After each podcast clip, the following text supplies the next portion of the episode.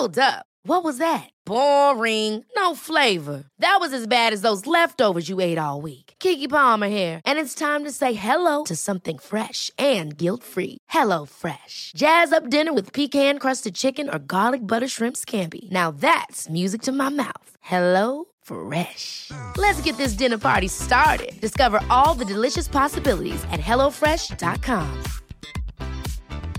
I'm Sandra, and I'm just the professional your small business was looking for. But you didn't hire me because you didn't use LinkedIn jobs. LinkedIn has professionals you can't find anywhere else, including those who aren't actively looking for a new job but might be open to the perfect role, like me.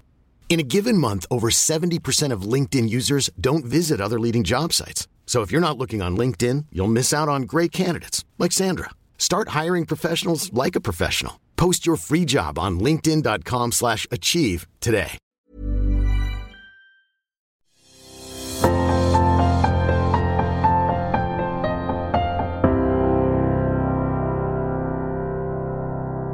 Velkommen til podkasten Livet og ledelse.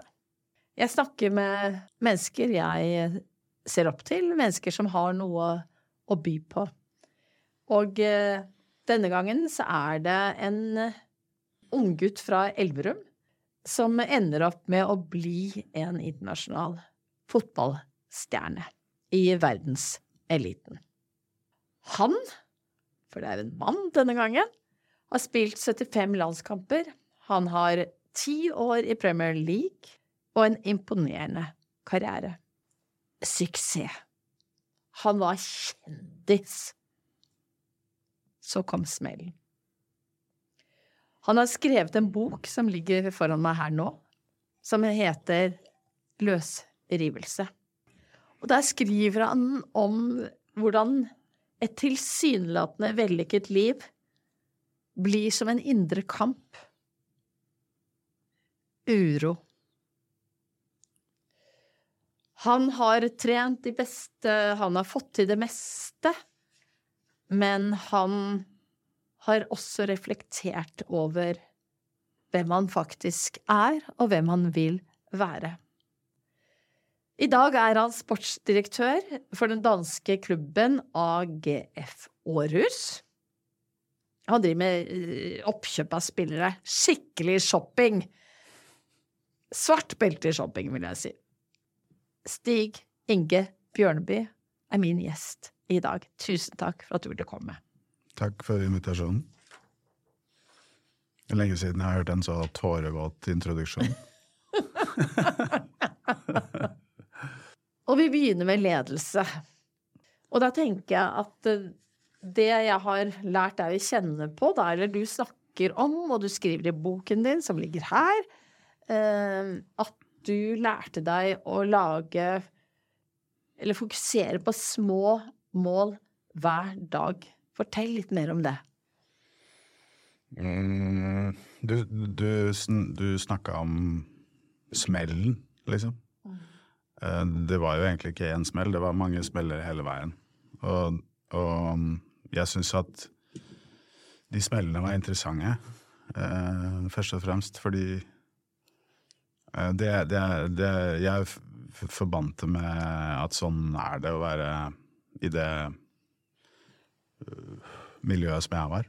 Fordi det blir sånn survival of the fittest. Um, det er toppidrett, det er kynisme, det er konkurranse, det er um, en kamp om å vinne liksom hele tiden. Den er ustanselig, liksom. Fordi at hvis man uh, gjør én god prestasjon, så må den bearbeides, og så må du gjøre en ny en i løpet av samme uka, liksom. Eh, og hvis du ikke gjør det, så, så forsvinner du bare ut eller nedover i systemet eller vekk fra toppen. Og kampen om å hele tiden prestere så godt at man kunne være best eller være blant de beste, den, den, den handler jo egentlig om en hverdag med smeller hele tiden. Og så handler det om å takle de, bearbeide de, forstå de, interessere seg for de, akseptere de. Og til syvende og sist så må du faktisk også like de. Du må på en måte omfavne kynismen og det brutale. Eh, og og de, de, smellene eller de kampene eller den, den hverdagen, den, den eh, forsvinner jo i det tabloide fremstillingen. Eh, og mekanismene er jo de samme i dag. Altså, du kan si at volumet blir større, pengene blir større, eksponeringen blir større osv. Men mekanismene er jo akkurat de samme. Jeg syns når jeg nå etter hvert har beveget meg vekk fra du kan si det derre detaljtingene som handler om det tekniske og taktiske og det som skjer på banen, over det mer strategiske, langsiktige, bærekraftige osv., så, videre, så er det jo fordi at jeg har en eller annen forkjærlighet til disse uh, fotballspillerne som er så sårbare. Og så vet jeg hvor sårbare de er. Og så er de tøffest i trynet, og de har sånt, en fasade og et, et, et ytre, og de, de, de, liksom er noen sånne helter.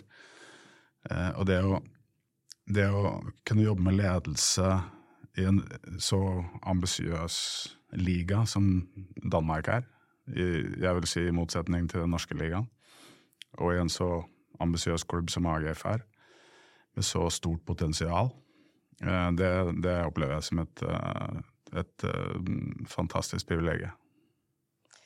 Hvis du skal konkretisere Stig Inge Bjørneby, hva er god ledelse, og det handler jo like mye om en trener. Du har jo holdt på å si vært eh, en toppidrettsutøver, eller du var veldig ung, da, når du, selv om du var 15 år når du kom liksom virkelig fotballen kom inn i ditt liv.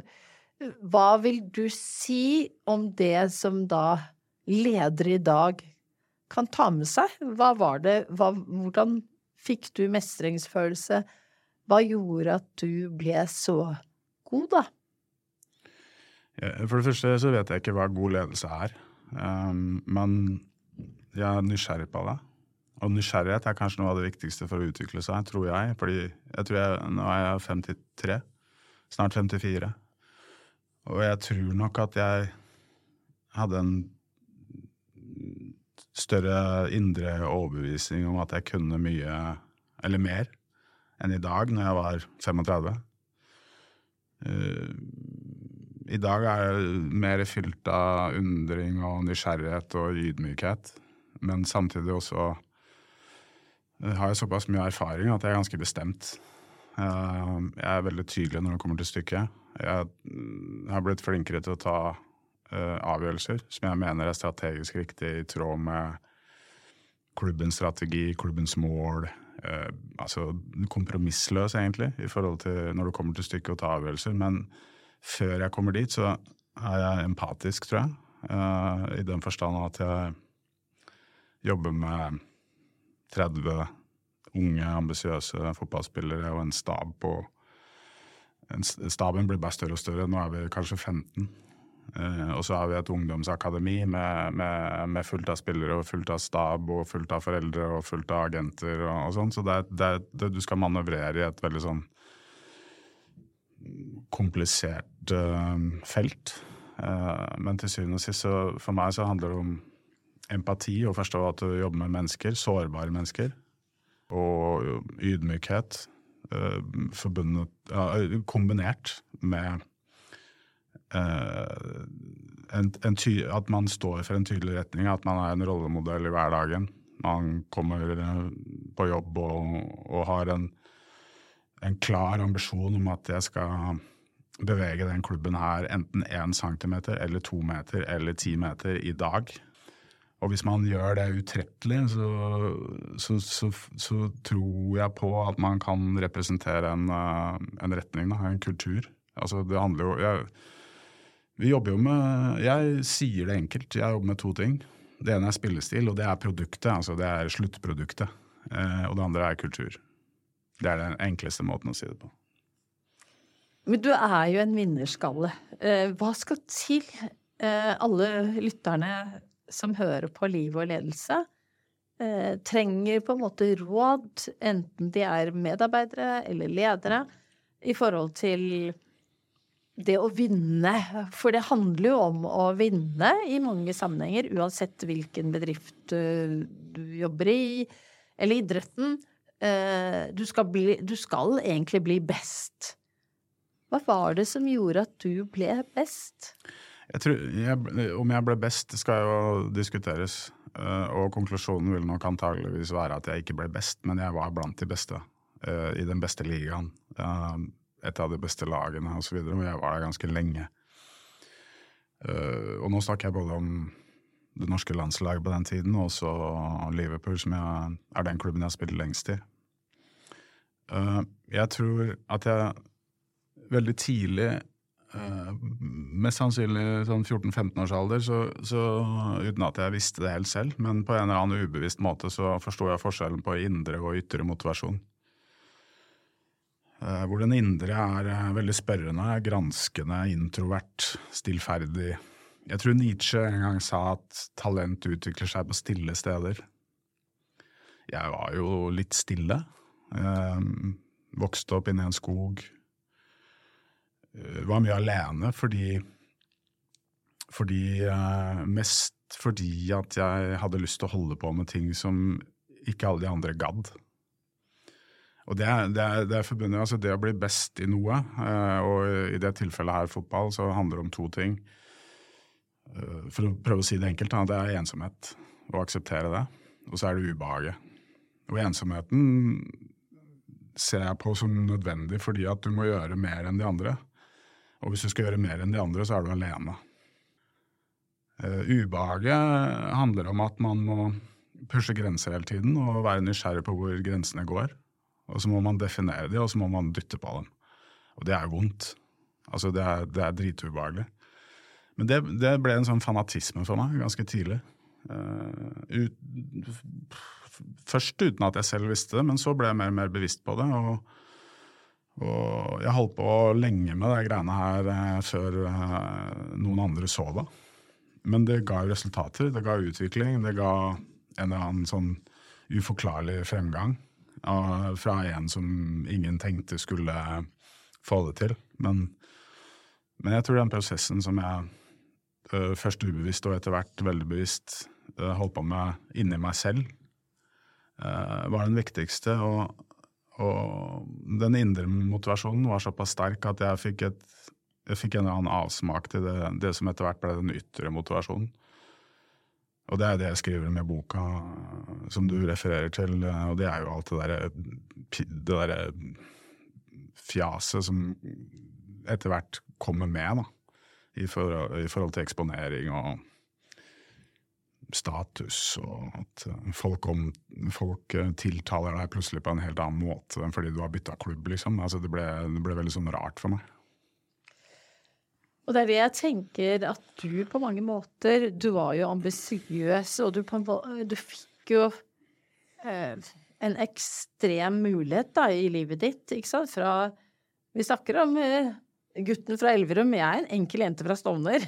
Så jeg kjenner meg igjen på det Hvor går du videre? Og så ble du veldig sulten på de ambisjonene du fikk mulighetene til, men så sier du også samtidig at du liksom var litt utenfor normalen. Du var aldri A4, selv om du kanskje vokste opp i et mer A4, liksom, miljø, da.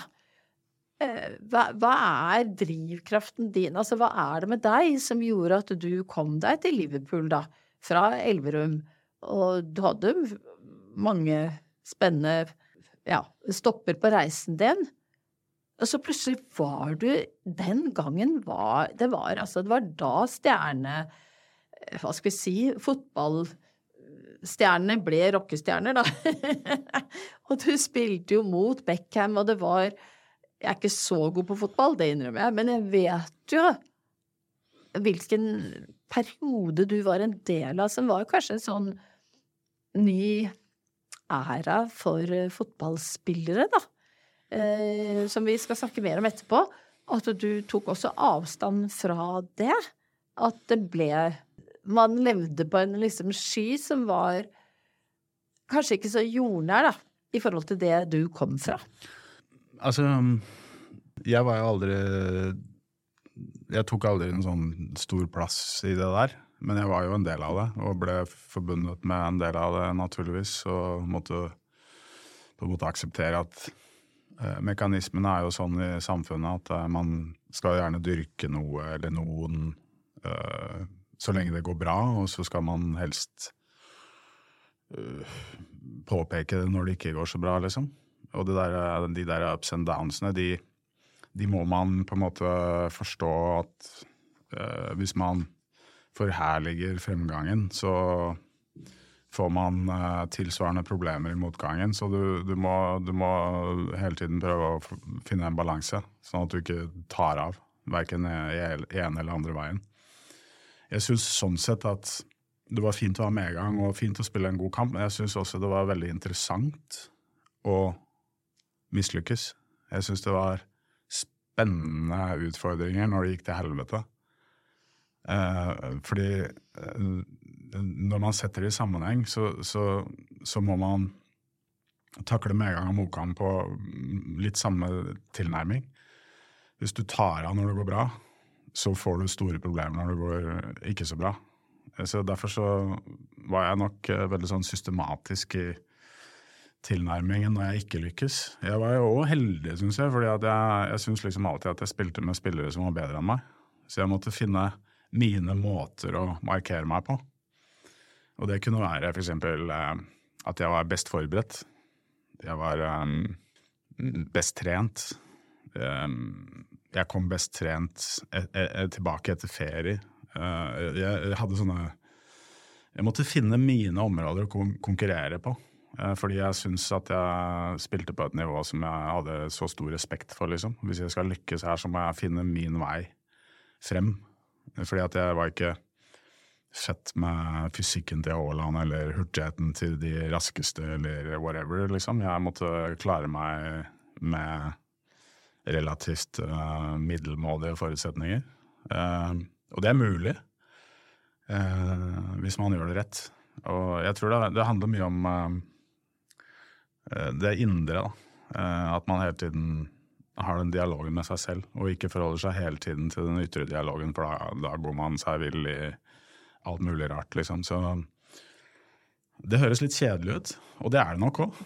Det er uh, ganske kjedelig, men det er verdt det når det kommer til stykket. Men det du snakker om nå, Stig Inge Bjørneby, er jo ledelse på et høyt nivå. Og mye handler også om selvledelse. Ja, man trenger gode ledere som staker ut kursen og får flokken til å være med da, på reisen. Men det du har snakket mye om, og, og det jeg har vet om deg, er jo Det handler også om denne drivkraften, denne indre prestisjen. At du blir inspirert av, av motstand, rett og slett. Det er veldig interessant, fordi det er fort gjort å tenke at det er noen andre som skal løse problemene. Peke oppover, peke nedover. Det handler ikke om meg, det handler om noen andre. Si litt mer om det, for det syns jeg er utrolig interessant. Altså, du, de smellene, eller den smellen som du refererte til, som, uh, som uh, akkumulerte en bokutgivelse, uh, det var egentlig bare en serie av mange hverdagslige, vil jeg kalle det, da, demoner. Boka handler jo om styrke. Når boka kom ut, så ble, så, så ble den fremstilt som en som skulle åpne seg om alle psykiske utfordringene, liksom. Og det er fint nok, men uh, for meg så var boka en bok om psykisk styrke. Det er, en bok om hverdagslige demoner som ikke skiller seg fra vanlige menneskers liv. Det er de samme utfordringene på toppen også. Eksakt de samme. I, i, I, en eller annen form. Uh, styrkeforholdene blir litt uh, annerledes når alt er eksponert i medier og TV og radio og aviser og det hele, men jeg tror det handler i bunn og grunn om å forstå hvordan man skal leve med det, og akseptere at det er sånn. Og på et, på et eller annet nivå så må du forstå det, og så må du akseptere det, og så må du, du må like det på et vis. Um, og det jeg likte mest, var jo å håndtere det. Eh, fordi eh, jeg syns ikke at jeg eh, nødvendigvis fortjente å aldri stå i kø. Eller aldri betale full pris for noe. Eller Altså, jeg hadde et sånn ubehag med det. jeg husker første lønnsutbetalingen jeg hadde i England, så når jeg åpna konvolutten, så fikk jeg dårlig samvittighet for broren min som hadde studielån, og søstera mi som hadde studielån. Og jeg tror at den, den måten å håndtere det på har jeg fra en god oppvekst. Um, veldig trygg oppvekst med to fantastiske foreldre. Uh, som viste hverandre kjærlighet, og som viste oss kjærlighet og trygghet, og som ga oss muligheten til å eh, danne våre egne personligheter, på en måte. Det, det, ble aldri lagt noe press eller noen føringer i den forstand. Så liksom jeg kommer alltid tilbake til når jeg blir bedt om å forklare min egen reise, så har jeg alltid problemer med det. Jeg, jeg, kan, jeg har ikke noen god forklaring på det, men jeg jeg må nok uh, lene meg litt til uh, den, den, oppveksten jeg var så heldig som, som, fikk. Og spesielt da med en far som også var idrettsutøver og på olympisk nivå. Eh, som var kanskje den ultimate støtten gjennom barndommen, ungdommen, og også når det begynte å lukte litt svidd av det jeg fikk til og sånn så, så, var han bare støttende. Han var ikke, han var ikke førende eller pressende. Eller, eh, liksom, han, var, han, var, bare til stede som en ekstremt god samtalepartner og forståelsesfull osv. Og, så og, og så tror jeg at han eh, også så at jeg hadde god kontroll på mine egne tankeprosesser, og at jeg håndterte ting bra eh, i det store og det hele. Så det, det er vanskelig å forklare sånn helt eksakt. Men det jeg tenker, da, eh, er at eh, du levde et stjerneliv. Vi kommer litt mer tilbake til det når vi kommer til eh, episoden Livet i podkasten Livet og ledelse.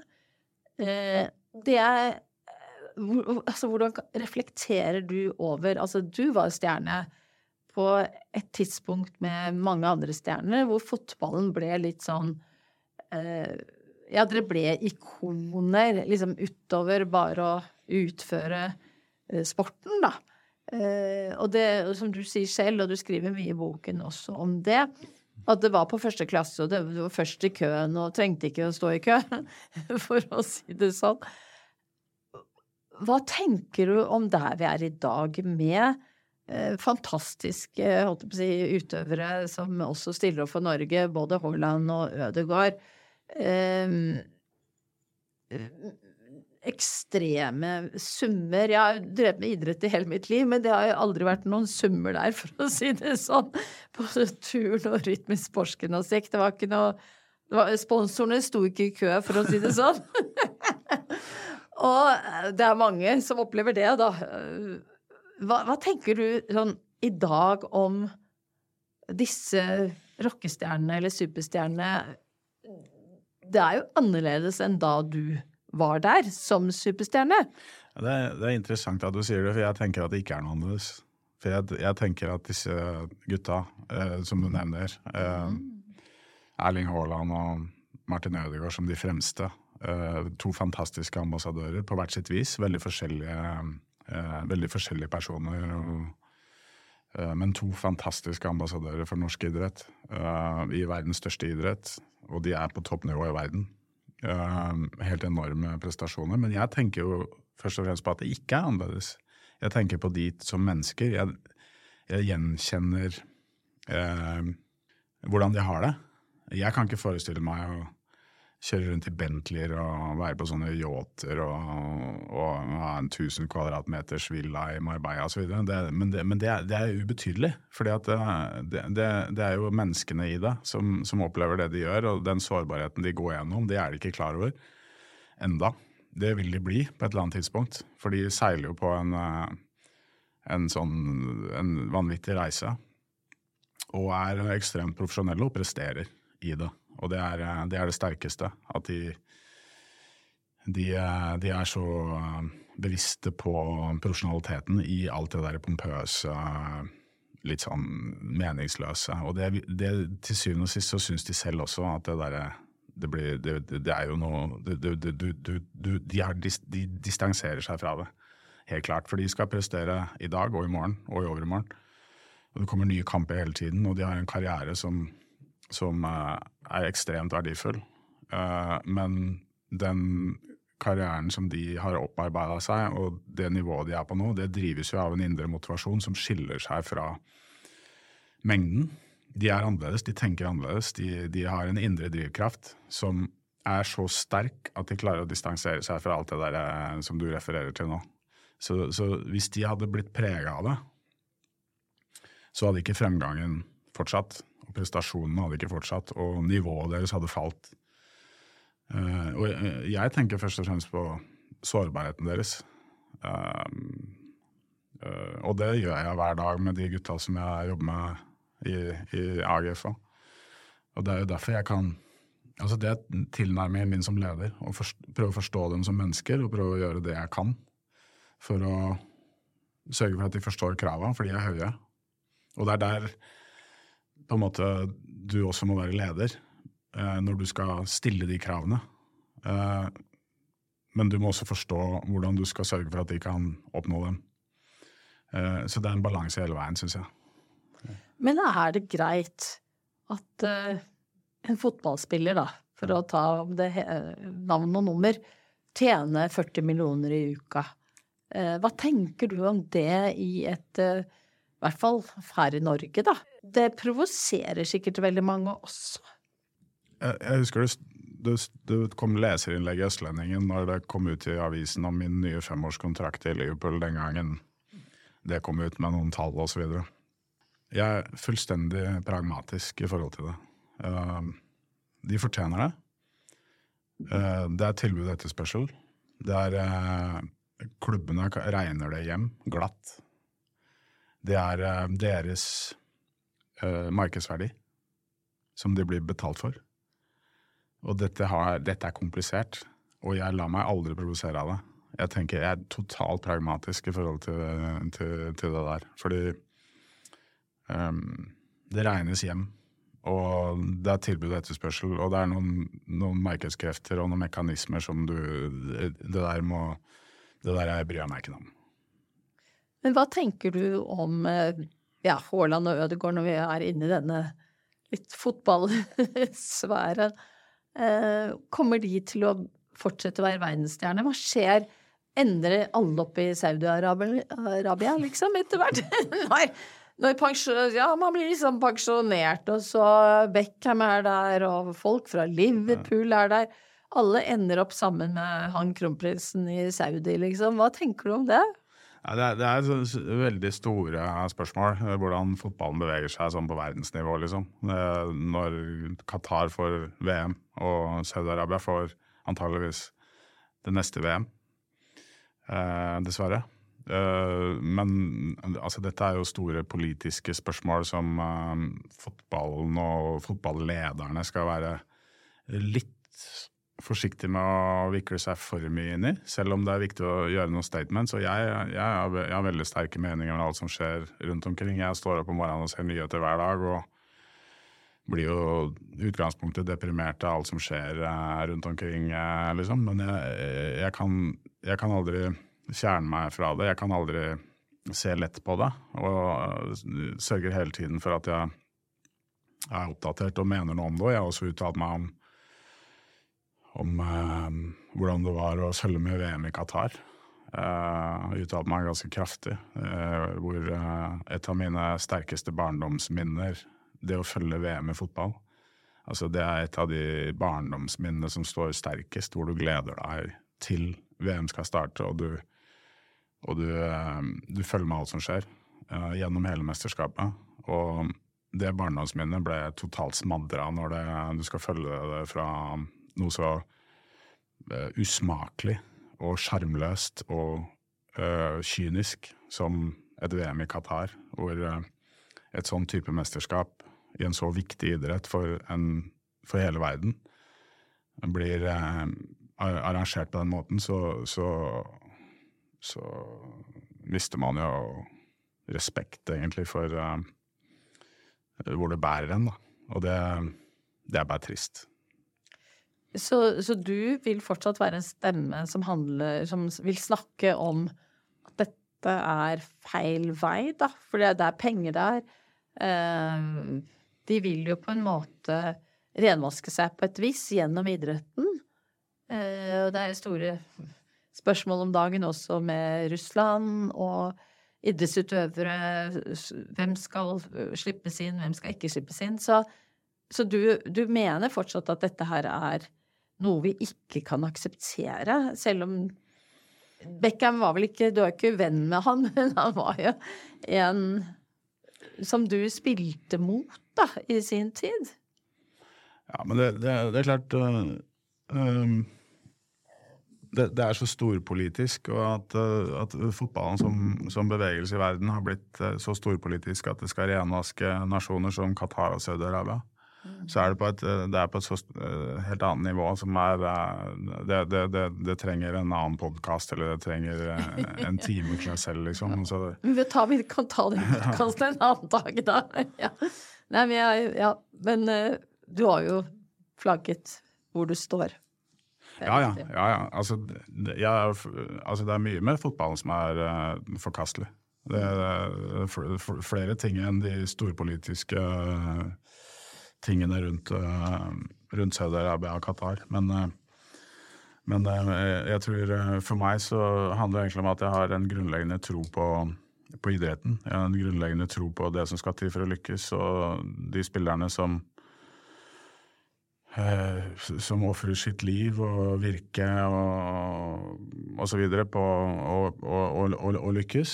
Eh, det er på et eh, nivå som er håndgripelig, som, som jeg engasjerer meg mer i sånn sett, hverdag, i hverdagen enn de storpolitiske tingene. Fordi er, jeg tror det vil være litt sånn Sånn som Ståle Solbakken, landslagssjefen, han har nå Eh, markert seg som politiker.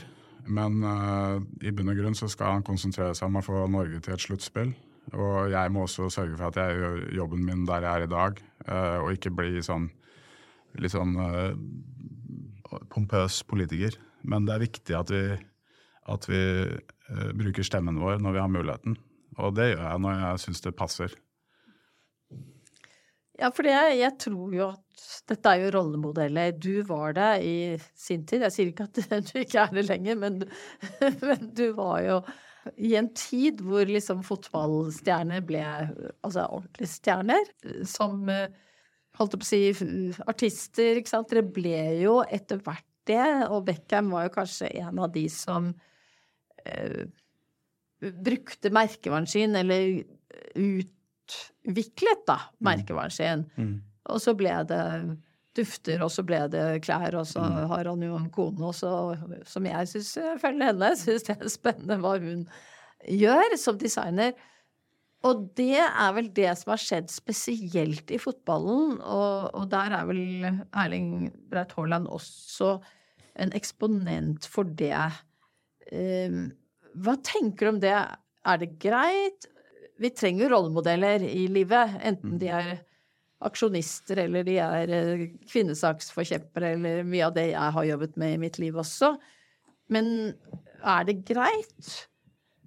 Og det er privatfly, det er mye penger eh, blir, Han er jo en helt, det er jo ikke noe å lure på, med ekstremt mange følgere på Instagram. Men tenker du at det, det, er, det er bra for idretten? Um, jeg vet ikke om jeg skal snakke på vegne av idretten, men jeg tror at det der kjendiseriet eller det der, Jeg, jeg, jeg syns det er greit når man har uh, noe man kan vise til. Så syns jeg det er greit. Når, hvis du er en av verdens beste fotballspillere, så, så blir det et sirkus. Og så konsentrerer han seg om å fortsette å være verdens beste fotballspiller. Det skal vi ikke tvile på. Og så raser det sirkuset av gårde. Men det har, en, det har, en, forbindelse til det han presterer, og det syns jeg er greit. Og sånn var det også før i tiden. når du vet, Det som het kjendiser i gamle dager, det var jo forbundet med at noen var ekstreme innenfor noe. Altså, altså det, Hvem var det som var kjendiser når vi vokste opp? da? Det var eh, Rolf Wesenlund og Wenche Foss og Nei, slutt! og, Jo, men altså, det var jo folk, folk, det var jo folk som kunne vise til noe. Ja. Ikke sant? I dag så blir man kjendis hvis man driter seg ut på Farmen, og det er mer problematisk. At, vi, at vi, begynner å, vi begynner å oppheve mennesker som ikke Det, det, er ikke noe hold i det, liksom.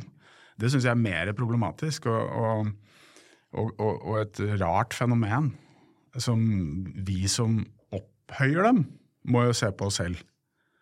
Det er jo ikke, det er jo ikke disse folkene som driter seg ut på et reality-program sin feil. Det er jo vi som liksom Det er jo helt meningsløst. Men det der med Haaland og de, de, de folkene som, som virkelig presterer på et toppnivå i verden innenfor sine områder, det, det, det, må jo, det må du bare akseptere. At det blir sånn.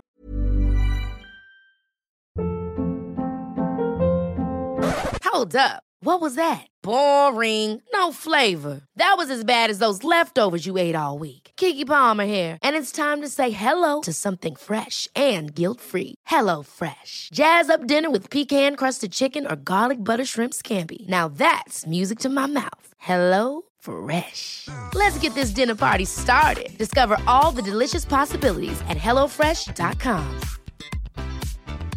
I'm Sandra, and I'm just the professional your small business was looking for. But you didn't hire me because you didn't use LinkedIn jobs. LinkedIn has professionals you can't find anywhere else, including those who aren't actively looking for a new job but might be open to the perfect role, like me. In a given month, over 70% of LinkedIn users don't visit other leading job sites. So if you're not looking on LinkedIn, you'll miss out on great candidates like Sandra. Start hiring professionals like a professional. Post your free job on linkedin.com/achieve slash achieve today. Klart svar. Nå, Stig Inge, skal vi snakke litt om livet. Du kom jo inn, denne gutten fra Elverum som hoppa Du var mest i hoppbakken, holdt jeg på å si, Ja. med faren din. Ja, ja. Du blir Liverpool ser deg, du, du pakker omtrent bagen dagen før og drar dit. Og, og så skriver du liksom i boken din som heter Løsrivelse, at uh, jeg reiser dit hvor det blir sagt at fotball er viktigere enn liv og død. Liverpool. Og det jeg tenker da, i forhold til å kombinere ledelse og livet, det er jo dette med laget. Laget er større enn individet, da. Og det tror jeg du lærte veldig tidlig, også når du kom inn i Liverpool. Kan du si litt om det? Altså hva laget betyr? Jeg tenker også som leder i så mange år at det er ikke enkeltindividet. Det er mange stjerner på himmelen, Mm. men laget er større. Mm. Si litt om det da du kom dit. Du var jo Det må jo ha vært ekstremt ut på disse arenaene med mange, mange, mange tusen publikummere, og hvordan takler man det? Um, når jeg kom til uh, Liverpool, så kom jeg til en garderobe som besto av uh, hvor halvparten av de var spillere som jeg hadde sett på TV selv, sammen med faren min, på tipp, tippekampen og alle disse, ikke sant? Jeg, vi, jeg spilte jo i Norge og var jo landslagsspiller på den tiden, og, og etablert sånn sett. Uh, og så kom jeg inn i en garderobe med alle disse spillerne som jeg kjente godt fra før i en annen dimensjon. Uh, det var liksom toppen av det. det. Jeg var Liverpool-supporter blant annet og fulgte laget tett og kunne jo eh, historien til alle disse spillerne. Eh, så paradokset er jo at jeg kom der totalt fri for alt som har med sånn starstruckhet å gjøre. Eh, for jeg var så profesjonell at jeg hadde lagt det bak meg for lenge. Altså, det var ikke snakk om heller. Jeg var profesjonell og ikke emosjonell. Eh, I den forstand at jeg Jeg ble spurt om det mange ganger. Liksom, var det barndomsdrømmen som gikk i oppfyllelse? Så sier jeg nei. Eh, For hvis jeg hadde hatt den tilgangen, så hadde det jo ikke blitt så bra. Uh, jeg var ekstremt profesjonell på det, på det tidspunktet, og, og, stort sett ikke emosjonell i det hele tatt. Fordi at du Den der barndomsdrømmen, den har du når du er seks eller åtte eller tolv. Uh, men den Det var jo realistisk på det tidspunktet. For jeg spilte på et godt landslag. vi Var, eh, det var mange spillere som jeg spilte sammen med, som var på vei til utenlandske klubber. At det ble Liverpool, er jo tilfeldig, og sånn sett en, en, en lykke, selvfølgelig, i og med at jeg hadde et emosjonelt forhold fra tidligere. Men jeg var hele tiden profesjonell fra dag én i, i, i, forhold til det. Men jeg har alltid vært en lagspiller. Eh, og ikke minst etter at jeg kom dit, hvor jeg visste at disse spillerne hadde ekstreme nivåer individuelt. Og det var mange individualister i laget. Og hvis jeg skulle Jeg så det som min oppgave å sørge for at dem kunne skinne. Det var min Jeg så det som min oppgave å gjøre drittjobben. Eh, sånn at dem kunne få brukt sine individuelle ferdigheter. Og det ble også min bane som spiller, og det som kanskje gjorde meg såpass stabil og, og bærekraftig i det miljøet. Det at, og, som, og, som, også gjorde at jeg ble anerkjent av trenerne mine osv. At jeg, de visste hva de fikk av meg. liksom. De visste at det var no bullshit. Det var uh, hard jobbing. Uh, litt sånn under radaren. Uh, gjorde det som var nødvendig. Tok, tok de taklingene som skulle til, og så kunne disse eminente fantastiske individualistene som jeg var heldig å spille sammen med, de kunne få brukt seg på sine områder.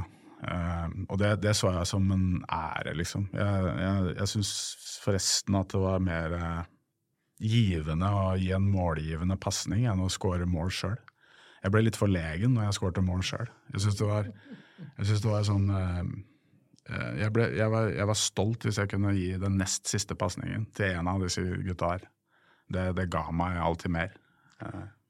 Men da tenker jeg også at det handler veldig mye om ledelse og eh, kollegaer imellom, ikke sant. Hvordan, eh, hvordan bryr du deg om de du jobber med? Altså heie på Altså jeg handler Jeg føler at livet handler veldig om mestring, da. Mm. Og det å heie på enkeltindivider og laget, og få laget til å fungere, og få flokken til å fungere.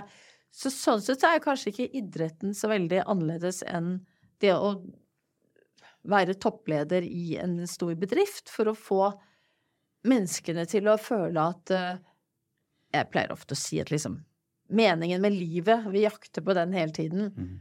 Men meningen med jobben, da, eller mm. Mm. det du var på fotballbanen, er like viktig. Og, og da må, det må noen forstå, da. Hva tenker du om det?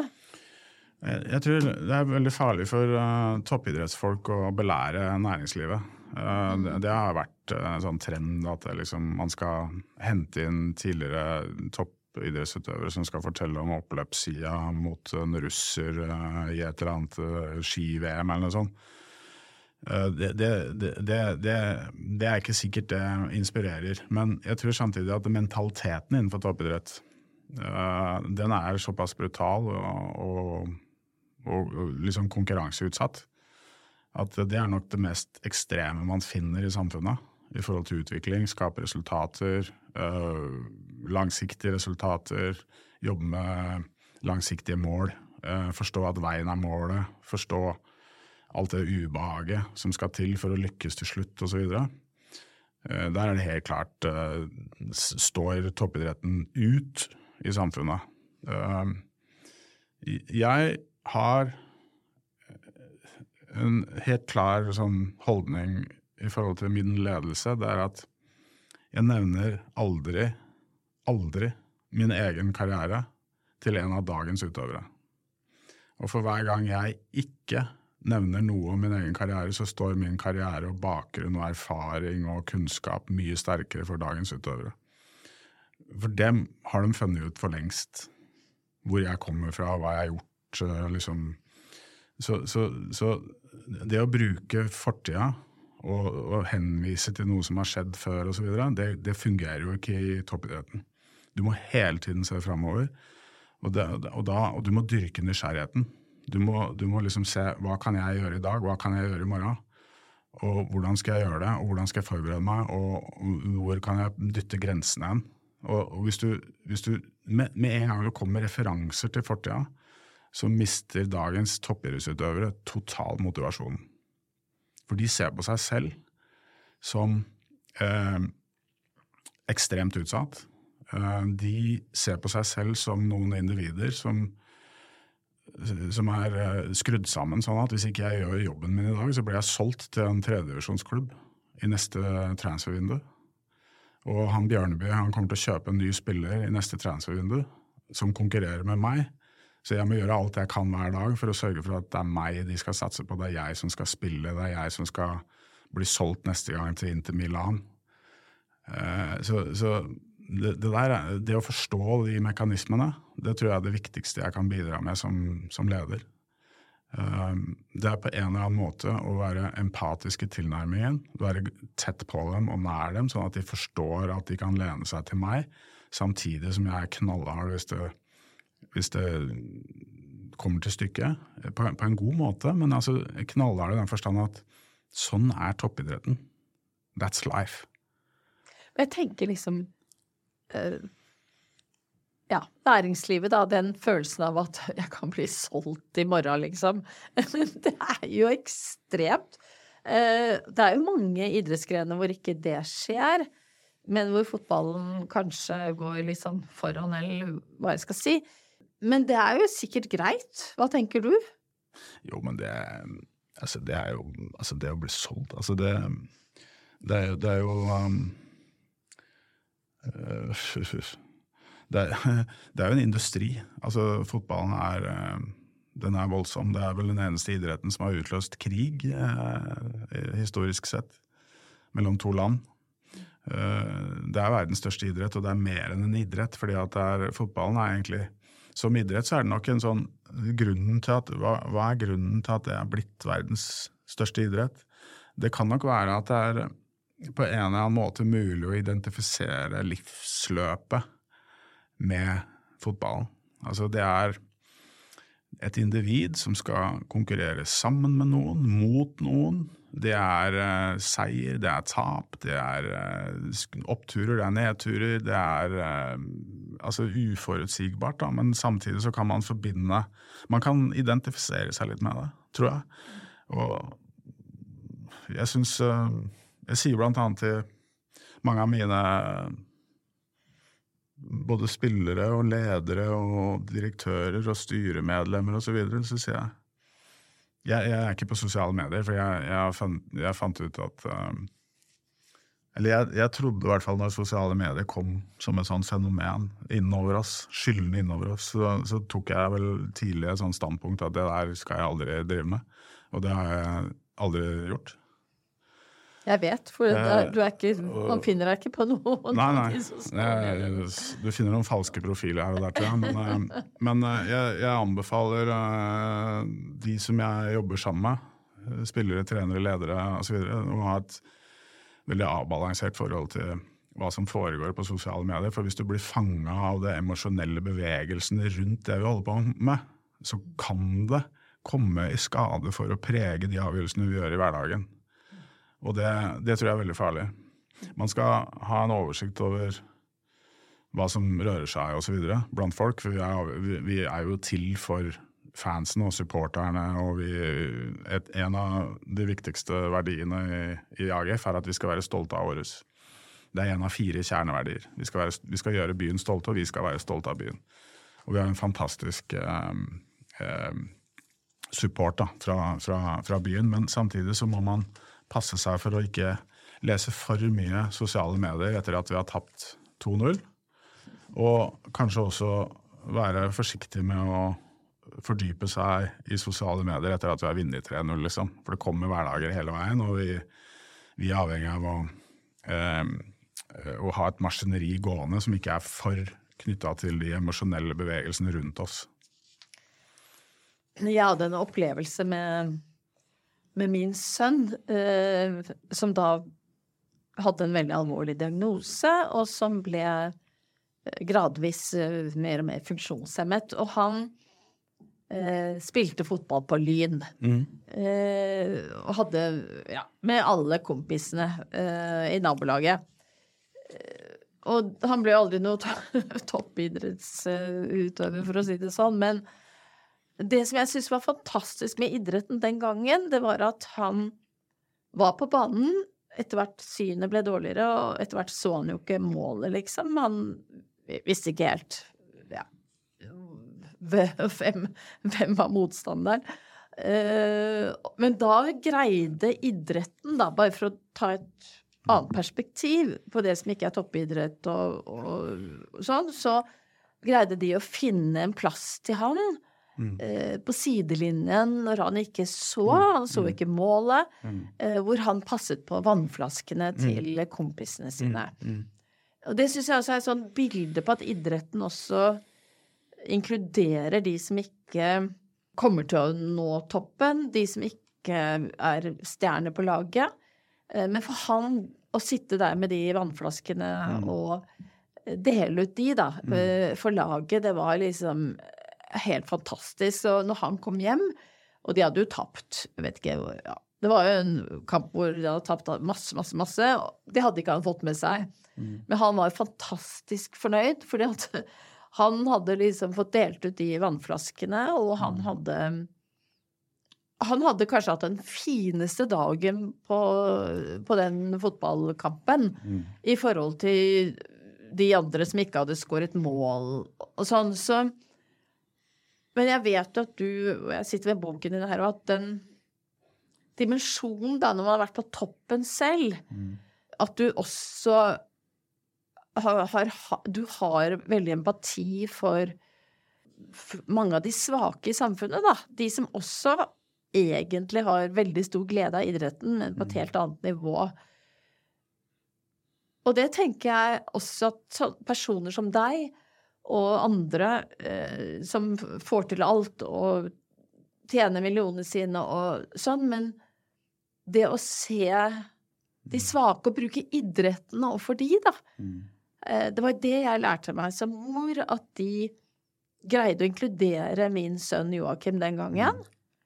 Og der er jo idretten helt fantastisk.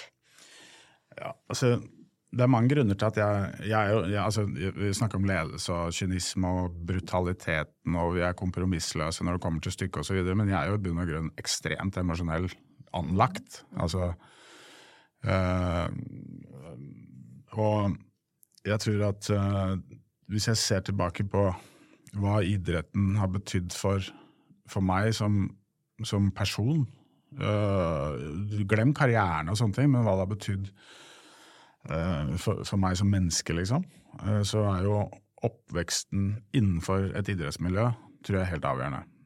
Eh, Det samholdet, de rammene som foreldrene skapte, frivilligheten, eh, klubben eh, altså, det var det, det som var oppholdsstedet, og det, du, det, du, det er det jeg forbinder med oppveksten min. At du var en del av det miljøet eh, som frivilligheten skaper. Eh, det, er jeg utfordra i dag, fordi det er en ny foreldregenerasjon som jeg selv delvis er en del av. Eh, den foreldregenerasjonen i dag nok, har nok litt annet syn på det, viktigheten av å lykkes og viktigheten av å kanskje bli en av de som vi har snakka om tidligere i programmet her. Eh, Så de der verdiene med og, og tilhørighet og være en del av noe er nok litt utfordra nå, eh, i større grad enn det har vært tidligere.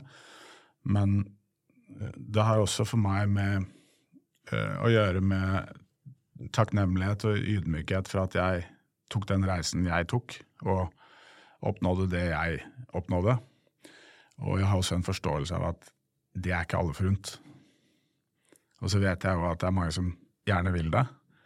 Og så handler det litt om å forsøke å normalisere det litt og, og, og få det tilbake til de der grunnverdiene. At det, dette, er, dette er en god oppvekst. Dette er eh, skape best mulig miljø og best mulig rammer. Og, og det som du forteller om din sønn, at han etter hvert eh, hadde en tilhørighet på tross av at han ikke kunne spille. Det er eh, en sånn rørende historie som idretten kan levere på sitt beste. Tusen takk for at du er opptatt av mange dimensjoner når det gjelder idrett og, og mennesker som trenger idretten på mange nivåer, da. Eh, nå er vi enda mer over i livet. Og da leser jeg fra boken din 'Løsrivelse'. Eh, jeg lå i fosterstilling på Brisken i desember 1992.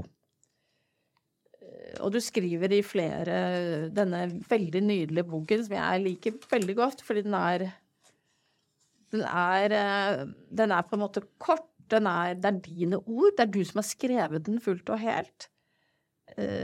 Og at du i suksessen, pengene, luksusen, så får du en slags uh, ja, en, en, en, motstand da, mot det livet du egentlig levde.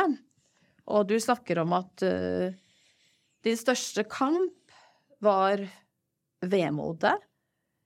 Uh, du snakker om at den beste medisinen mot din egen tristhet var hardt arbeid, som du alltid har holdt på med og gjort. Du snakker om ensomhet. Eh, du skriver her at jeg straffet meg selv hardt for ikke å ta meg nok av andre, at jeg ikke ga alt. Slik startet den gryende selvforakten som senere skulle utfordre livet mitt. Jeg var 23 år, og slik lå jeg sammenkrøpet på brisken i det tomme rommet, temmelig uvitende om fremtiden og ute av stand til å gjøre noe med frykten som raste gjennom kroppen.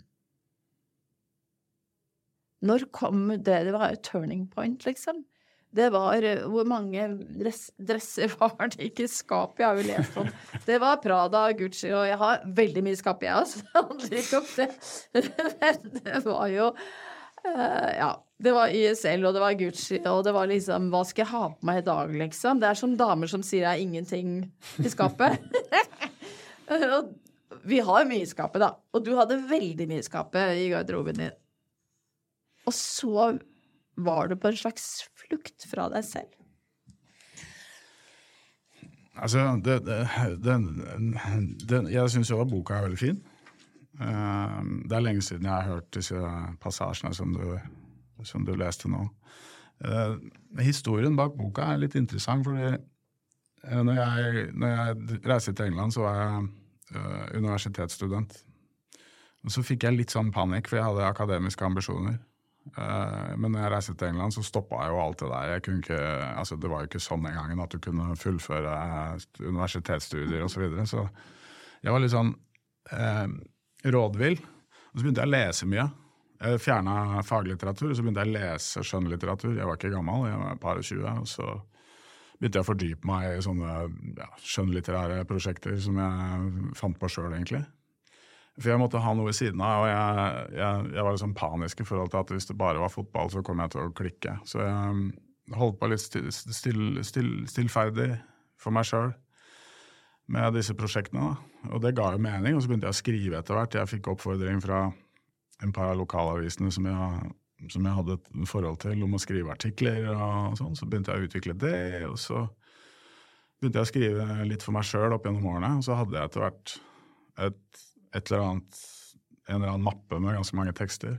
Og så etter at jeg hadde slutta, faktisk, jeg hadde lagt opp som spiller, så sitter jeg hjemme i min egen hage på eh, eh, et grillselskap som vi hadde, og hvor Katrine Sandnes, min gode venninne Katrine Sandnes, som var redaktør i Samtiden på det tidspunktet, hun var til stede. og Så satt vi og snakka over et par glass vin, kanskje tre, og så sier hun, så sier hun Stig, du burde skrive mer. Ja, men så sier jeg Katrine, jeg har skrevet masse, sier jeg. Og det, det, hadde jeg jo. Eh, men det var ingen andre ingen som hadde lest det. De hadde bare en masse tekster liggende. Eh, så sier Katrine, kan jeg få se hva du har skrevet, liksom? Så tenkte jeg du kan få se det. Hvis du vil. Så fikk hun med seg det der hjem. Og tre dager etterpå så ringte Aschehoug Forlag, som samtiden sorterte under. Um, og ville lage bok av det. Og det var, jeg kom helt sånn perpleks på meg, jeg har aldri tenkt tanken på det. Men så begynte vi å kna det litt og liksom diskuterte litt om det var mulig å lage en bok av det. Og det var egentlig sånn det, var egentlig sånn det ble. Og de Man kan ta ut bruddstykker av boka og tenke at det her er jo veldig mørkt. Men jeg syns bare det er fint å se tilbake på. Men det var jo det var jo en beskrivelse av det jeg opplevde som Altså, jeg tror jo mer eksponert du blir, og jo mer du oppdager at omverdenen forholder seg til deg på en helt annen måte enn det du er vant til, jo mer ensom blir du. Uh, og det var, det var egentlig det jeg uh, opplevde. Og når jeg ser tilbake på det, så var det uh, litt fint òg. Du finner jo noe inspirasjon i det. Jeg finner jo noe inspirasjon i Jeg må jo si at jeg finner noe inspirasjon i alt det helvete jeg har gått gjennom for å oppnå de resultatene jeg til syvende og sist oppnådde. Um, og det er ikke så ukjent heller. Altså, jeg tror det er litt om å gjøre å Altså, når jeg ga ut boka, så var det veldig mange som Det var liksom mote å gå på en smell. Altså, men da stoppa det opp, liksom. Det var, det var, det var, det var, ja, det gå, det var liksom, det var så det var om å gjøre å gå på veggen. Men den boka handler om å gå gjennom veggen. For det er mulig. Det er ikke farlig alt.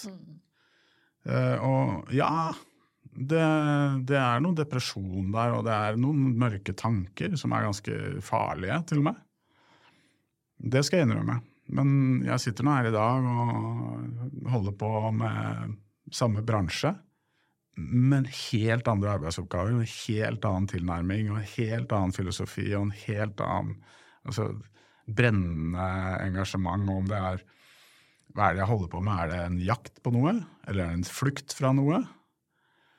Eh, antageligvis en av delene. Og så gidder jeg ikke å prøve å definere hvilken av dem, egentlig. Eh, det gir meg noe. Og, og, på en måte jobbe like hardt for noen andre nå som jeg selv gjorde for meg selv den gangen. Så skriver du også en del uh, om dette i boken din. Ditt etter hvert litt sånn vanskelig forhold til mediene. Og du endte opp også i Pressens faglige utvalg. Vi satt jo der sammen. Gjorde vi? Uh, ja. Du var liksom på den andre siden av bordet. du var du, jeg, var, jeg, var, alminnelig. Allmenn, du var, du var allmennheten. Du var allmennheten, og jeg satt jo på redaktørsiden. Så vi hadde jo mange spennende saker. Altså etikkarbeid er jo vanskelig, og det som i hvert fall jeg opplevde, tror du også opplevde det, er at du Veldig mange faser i livet så går du inn i et rom, og du har en plan, og du representerer et eller annet som leder overfor medarbeiderne. 'Nå skal vi hit, og vi skal gjøre det', og sånn og sånn. Og ja, få, få med seg flokken. Men det som skjer i et sånt utvalg, er at du går inn og har lest dokumentene og tenker at ja, det må gå sånn, eller ja, det er fellelse eller ikke.